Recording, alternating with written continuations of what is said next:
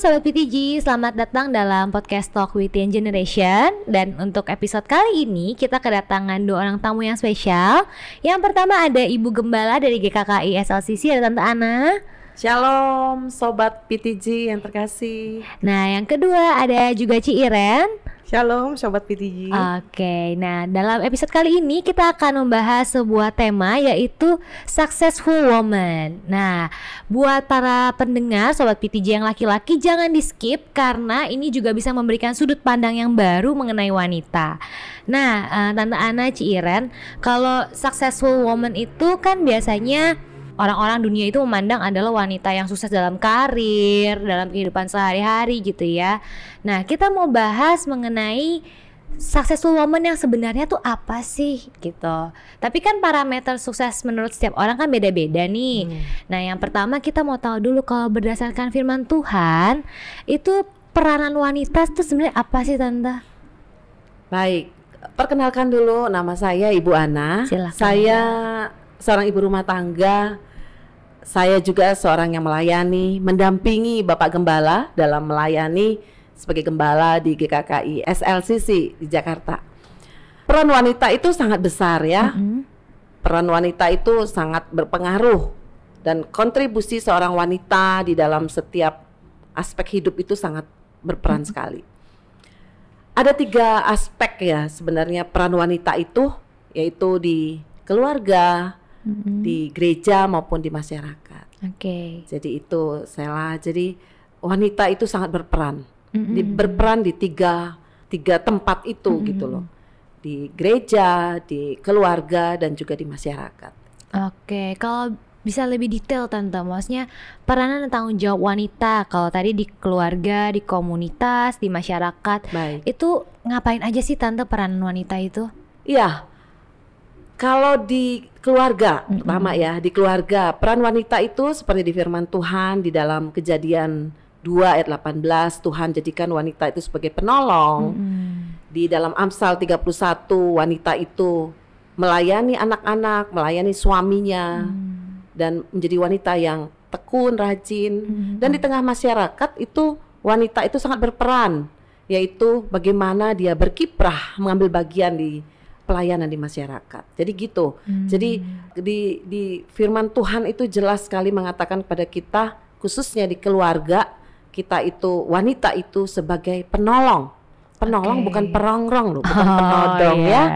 Jadi di tengah keluarga juga wanita harus memiliki citra diri yang baik yaitu melayani keluarga, melayani suami, anak-anak dan wanita itu juga harus memiliki kasih yaitu hmm. mengasihi keluarga, mengasihi orang-orang yang dia layani di rumah. Begitu juga di, di masyarakat maupun di tengah-tengah gereja. Gitu. Oke, itu saya. Berarti wanita itu sebenarnya berfungsi sebagai seseorang yang menolong dan menopang itu betul ya? betul sekali oke aku mau ke Ci Iren nah Ci Iren boleh mungkin diceritain dulu sedikit backgroundnya selain sebagai ibu rumah tangga ada profesi lain nggak itu Ci Iren ya sebelumnya saya perkenalkan dulu diri saya boleh. saya Iren saya sudah menikah baru 15 tahun. Udah lama, Ci.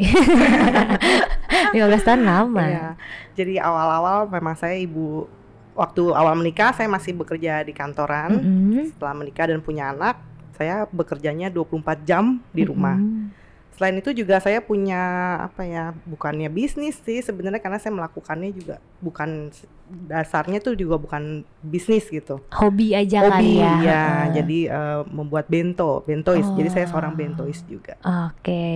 nah kalau menurut Ci Iren nih kan Ci Iren selain jadi ibu rumah tangga menjalankan hobi juga dan dulu pernah terlibat juga di marketplace gitu ya. Nah kalau menurut Ci Iren peran wanita itu sebenarnya apa sih Ci kalau saya pribadi sih, saya lebih ke nomor satu itu pelayanan di keluarga, mm, gitu. Mm. Jadi kalau keluarganya bisa kita telayani dengan baik, baru di luar bisa melakukan hal yang lain. Hmm, gitu. Oke, okay. jadi tadi itu adalah tentang melayani wanita. Jadi bagaimana menjadi penolong untuk pasangan hidup kita dan juga melayani anak-anak yeah. gitu ya. Karena kan orang tua itu adalah fungsi utama yang mendidik terutama ya, gitu ya di rumah. Nah, tadi kan kita sempat bahas nih rumah tangga dan juga karir. Nah, kalau kita lihat hari-hari ini nih kan tante juga dulu sebelumnya pernah jadi pramugari ya tante di salah satu Betul. maskapai penerbangan. Betul. Nah, banyak kan wanita yang merasa galau gitu ya, bingung antara sebenarnya mau sih jadi full time mom gitu 24 jam di rumah sama anak-anak. Tapi kan ada juga kebutuhan di mana mereka harus penuhi dengan cara mereka bekerja. Ya. Nah, kalau tante memandang ini gimana tante bagaimana cara mengimbanginya? Baik.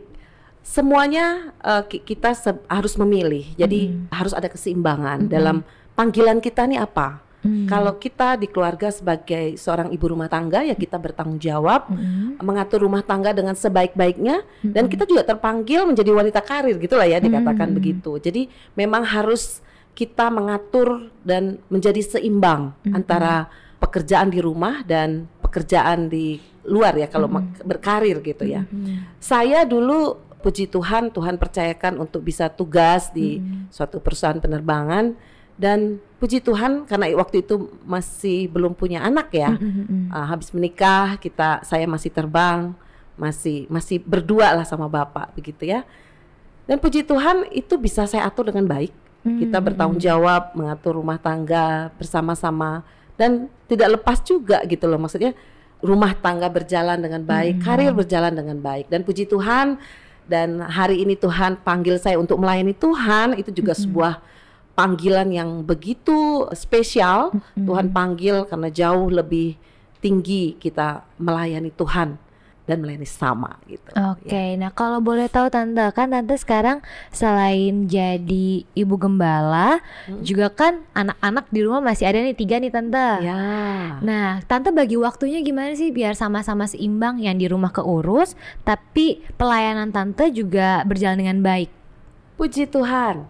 Anak-anak bisa terhandle dengan baik Mm-mm. karena mereka kami selalu didik dan ajar untuk bagaimana belajar mandiri, tidak bergantung penuh kepada orang tua, tetapi kita punya tanggung jawab Hmm. sebagai orang tua mendidik mereka untuk beribadah dengan sungguh-sungguh karena kalau kita beribadah dengan sungguh-sungguh maka seperti Bapak Gembala selalu ajar kita melakukan pekerjaan Tuhan dengan baik maka Tuhan akan menyelesaikan urusannya kita gitu. Jadi Hmm. kita bertanggung jawab sebagai orang tua mendidik mereka, membesarkan mereka dengan hormat takut akan Tuhan dan mereka menjadi pribadi-pribadi yang setia melayani Tuhan dan puji Tuhan mereka eh, di rumah mereka terawat dengan baik dan Mm-mm.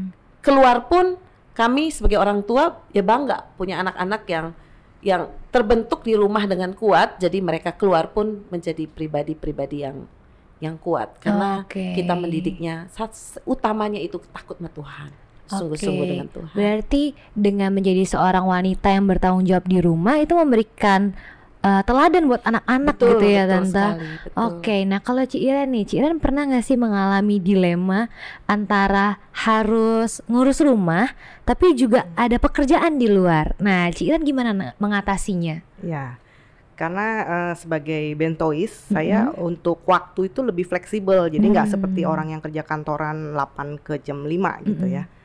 Tapi terkadang eh, yang pergi keluar kota misalnya ikut Ya. eh, pelayanan mission trip Mm-mm. yang sampai butuh waktu berhari-hari Mm, mm, mm. dan yang bersamaan juga anak ada ulangan atau ujian. Mm, mm. Jadi kalau saya sih menggunakan satu buku ini.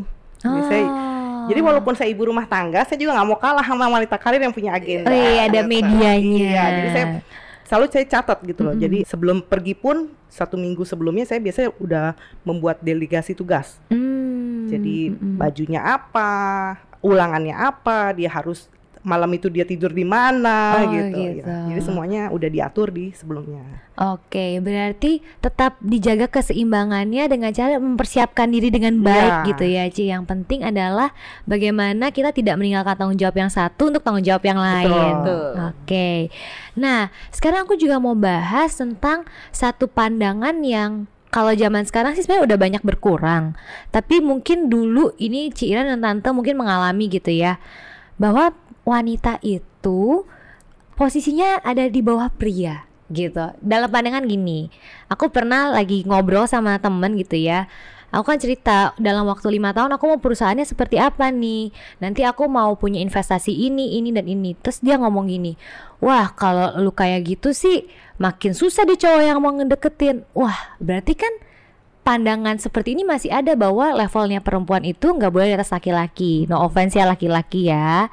Tapi maksudnya bagaimana menurut Ci Iren dulu deh pandangan kayak gini tuh gimana sih Ci? Kalau saya pribadi gini, uh, tergantung kembali lagi ke masing-masing orangnya. Hmm. Jadi kalau memang kan firman Tuhan kan bilang istri harus tunduk sama suami. Iya. Tunduk itu kan berarti bukannya diinjak hmm, gitu. Hmm. Jadi kalau memang istri memutuskan untuk mempunyai karir mm -hmm. yang maksudnya uh, penghasilan sendiri, mm -hmm. ya itu sih nggak apa-apa gitu karena kan memang istri juga harus menolong suami. Mm, yeah. Nah tapi kalau misalnya nih penghasilan istri jauh lebih tinggi daripada suami, mm -hmm. nah itu kembali lagi ke orangnya apakah dia tetap bisa tunduk sama suami atau dia justru menanduk suaminya karena oh. penghasilan suami lebih rendah gitu.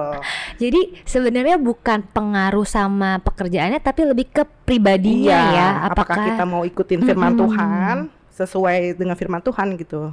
Oke, jadi tetap pribadinya yang memutuskan iya. apakah dia bisa menundukkan diri atau enggak. Nah, nah kalau menurut tante gimana tante?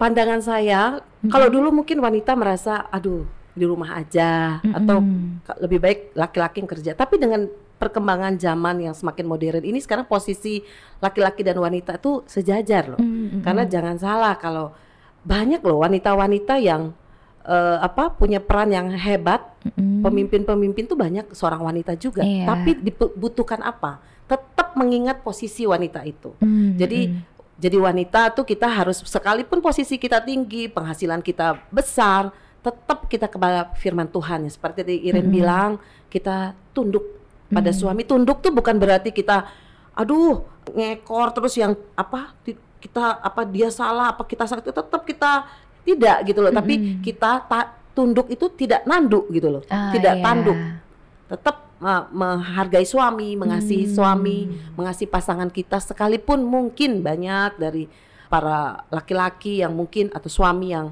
punya penghasilan yang lebih kecil, hmm. tapi tetap wanita tuh harus punya kerendahan hati. Okay. Dia harus punya kerendahan hati dan jadi wanita yang tahu diri. Ah itu saya suka, hmm. suka ya, hmm. hmm. karena saya selalu berprinsip di hati saya sebesar apa pun tinggi posisi kita atau penghasilan kita, tetap wanita tuh harus tahu diri lah ya, hmm. uh, tahu diri bahwa kita posisi kita itu uh, di bawah suami, jadi kita menghargai suami. Kalau kita okay. punya hati itu, maka rumah tangga kita juga jadi adem gitu okay, ya. Berarti wanita boleh punya prinsip tapi harus tetap menundukkan diri iya, di bawah betul, pasangannya betul. gitu ya. Ci Iren yang mau ditambahin nggak mengenai ini? Nah itu kan kalau penghasilan istri lebih tinggi. Mm -hmm. Kalau misalnya oke okay, uh, suami aja yang bekerja, okay. tetap kan di Alkitab juga uh, wanita sebagai penolong. Yes. Jadi ya cari-carilah apa, apa tambahan gitu loh hmm, untuk bisa hmm, uh, membantu sedikitnya. Oke, okay. gitu. mungkin kayak Ci Iren ya bisa hobi ya, jadi hobi, pekerjaan ya. gitu. Iya iya benar-benar. Berarti sebenarnya laki-laki nggak perlu merasa insecure ya. ya. Kalau wanitanya penghasilan lebih besar itu kan justru menolong dia iya. gitu ya. Selama dari awal mungkin dibicarakan oh. bahwa wanitanya mau nggak menundukkan dirinya di bawah iya. si pasangannya ini gitu. Hmm. Oke, nah selanjutnya nih Tante Ana dulu. Nah menurut Tante ada nggak sih hal-hal yang bisa kita lakukan supaya kita tuh bisa setidaknya menolong mengubah paradigma yang ada di masyarakat tentang wanita ini? Maksudnya wanita yang di bawah laki-laki tadi itu. Baik, itu semua uh, kalau kita merubah pola pikir kita. Mm -hmm. Jadi saya rasa eh, wanita-wanita uh, yang selama ini mungkin merasa punya posisi yang tinggi atau punya mm -hmm. penghasilan yang lebih tinggi dari suami, itu harus harus banyak belajar, merendahkan mm -hmm. hati, merendahkan diri untuk uh, menghargai pasangannya dan pola pikirnya. Karena selama ini kadang lingkungan bisa mempengaruhi ya orang-orang mm -hmm terutama wanita-wanita karir suka lupa gitu kalau sama keluarganya. Ingat bahwa Tuhan mengingatkan kita dalam kita berumah tangga tetap kita taat pada firman Tuhan hmm. yaitu kita menjadi laki-laki mengasihi istri dan istri tunduk pada suami hmm. gitu loh. Jadi marilah jadi wanita-wanita yang maksimal sebenarnya ya. Hmm. Jadi sekalipun nih kalau ada laki-laki yang bekerja terus wanitanya tidak bekerja, apa yang dia buat? Yaitu mengurus rumah tangga dengan baik karena hmm. menjadi ibu rumah tangga tuh bukan juga pekerjaan nganggur yeah. loh gitu 24 jam ah, ah 24 jam itu juga bekerja karena itu juga menolong suaminya untuk bagaimana supaya rumah tangga itu berjalan dengan baik dengan hmm. penuh kasih itu kan wa- diperlukan wanita-wanita yang sekalipun dia hanya bekerja di rumah, tetapi dia bertanggung jawab di rumahnya, mengatur suami, mengatur suaminya, mengasihi suaminya, mengatur anak-anaknya, dan rumah itu jadi tentram. gitu. Hmm, Jadi oke. gitu. Karena rumah itu kan perlindungan utama gitu ya Iya. tante. Berarti kalau rumahnya tenang, berarti seluruh anggota keluarga pun akan ikut tenang, Tenang. gitu ya. Suaminya berarti. juga bekerja dengan tenang. Iya, ya. berarti sebesar itu peran wanita dalam satu rumah ya. besar. Oke, nah kalau menurut Ci Iren gimana Ci supaya orang-orang tuh nggak berpikiran bahwa laki-laki dan wanita itu tuh ada perbedaan level gitu. Nah menurut Ci Iren baiknya seperti apa sih yang harus kita lakukan gitu? Ya itu kembali lagi ke yang tadi apa Mm-mm. firman Tuhan. Semuanya menjalankan sesuai dengan yang Tuhan suruh. Oke, Iya. akan Kuncinya sih sebenarnya satu, taat aja gitu loh. Hmm, Amin. Betul, Tuhan betul. suruh apa ya lakukan seperti yang Tuhan suruh. Jadi semua akan teratur kalau Iya. semuanya taat sesuai Iya, dengan dan firman tahu Tuhan posisinya ya. adanya di mana. Iya. Oke, nah agak menyimpang sedikit ya. Aku mungkin mau lebih dengar sharingnya Tante Ana dan Ci Iren gitu ya. Nah, Ci Iren eh, setelah eh, punya anak menjadi bentois gitu ya. Ada lagi nggak sih yang Ci Iren masih mau lakukan gitu? Masih ada cita-cita nggak sih Ci? Apa sih yang belum kesampaian? Apa ya? Kalau saya sih soalnya dari pertama jadi bentois itu pun juga semuanya kan semua berdasarkan anugerah bukannya Hmm, karena hmm. kemampuan saya. Wah, saya punya cita-cita mau jadi bentois nggak pernah terpikirkan Hmm, gitu hmm. loh. Jadi semua memang anugerah aja sih. Jadi ya mungkin lebih ke bentonya itu bisa dipakai untuk lebih melayani Tuhan. Wah, gitu. ini keren banget. Mantap. Jadi selain berperan di keluarga, Iya. Ci Iren pengen bisa juga berperan di masyarakat dengan bentonya. Iya. Karena kan yang aku tahu Ci Iren ada beberapa kali melakukan pelatihan-pelatihan juga Iya, ya, Ci. Mm-mm. Nah, kalau Tante Ana nih, kan selain tadi jadi ibu gembala, jadi ibu rumah tangga dan juga di masyarakat tuh berperan ya Tante. Ya. Jadi ibu RT ya Tante ya? Iya. Wah, mantap ini. Puji Tuhan. Nah, kalau Tante berperan di masyarakat gimana Tante? Iya, saya bersyukur eh, Tuhan percayakan itu ya. Di tengah keluarga mengatur rumah tangga dengan baik, di gereja kita melayani Mm-mm. jemaat dan Tuhan percayakan melayani di masyarakat. Hmm. Nah, itulah yang saya rasakan betapa Tuhan tuh hebat gitu loh. Karena bersinergi keluarga, gereja, masyarakat tuh indah sekali gitu loh. Jadi apa-apa yang kita bisa kita dapatkan dalam pelayanan kita, kita bisa terapkan, kita membantu orang lain, kita berkiprah di tengah-tengah masyarakat ah, menjadi berkat gitu loh. Hmm. Karena itu kan perintah Tuhan juga kita apa mengambil bagian di dalam Iya. pekerjaan Tuhan di tengah-tengah masyarakat dan membawa dampak yang luar biasa kepada masyarakat yang kita layani. Jadi luar biasa. Saya bersyukur bisa mengambil bagian di tengah-tengah masyarakat Mm-mm. sebagai ketua RT dan apa yang menjadi apa yang bisa kita lakukan bukan Hmm, hmm, apa ya untuk saya tidak tidak pernah berpikir begitu apa yang bisa menyenangkan orang lain gitu loh hmm, dan oke. puji Tuhan semua berjalan dengan baik Wes, itu mantap ya tante kalau tiga-tiga bisa dijuggling dengan sedemikian rupa indah jadinya. Amin. Nah, eh, Ci Iren kita mau balik lagi dikit. Ini kan kita lagi dalam kondisi pandemi saat ini nih Iya. ya. Nah, tadi kan Ci Iren bilang eh, anak-anak kalau mau ujian, mau ulangan itu diawasi. Nah, Ci Iren gimana Ci kemarin ini anak-anak sekolah di rumah? Ci Iren menemaninya seperti apa Ci? Jadi untuk yang satu kan udah SMP Mm-mm. udah saya pun juga udah nggak ngerti. Saya pun udah nggak ngerti dengan pelajarannya Mm-mm. gitu.